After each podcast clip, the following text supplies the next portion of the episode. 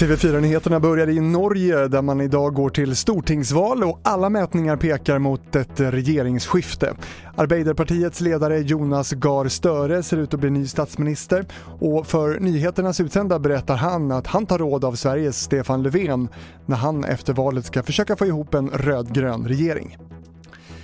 Till Spanien nu där två bränder har förenats i en och hotar nu stora områden i Andalusien.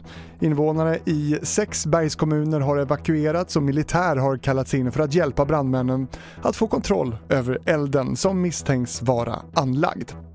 Och till sist ska vi till Kina där man gör sig redo för kraftiga oväder när tyfonen Chantou är på väg att dra in mot östkusten. Framförallt förbereder sig Shanghai där det bor runt 25 miljoner människor och där man nu stängt flygplatser, skolor och tunnelbana och världens största containerhamn. Och fler nyheter det hittar du som vanligt i vår app TV4 Nyheterna. I studion nu Fredrik Rahlstrand.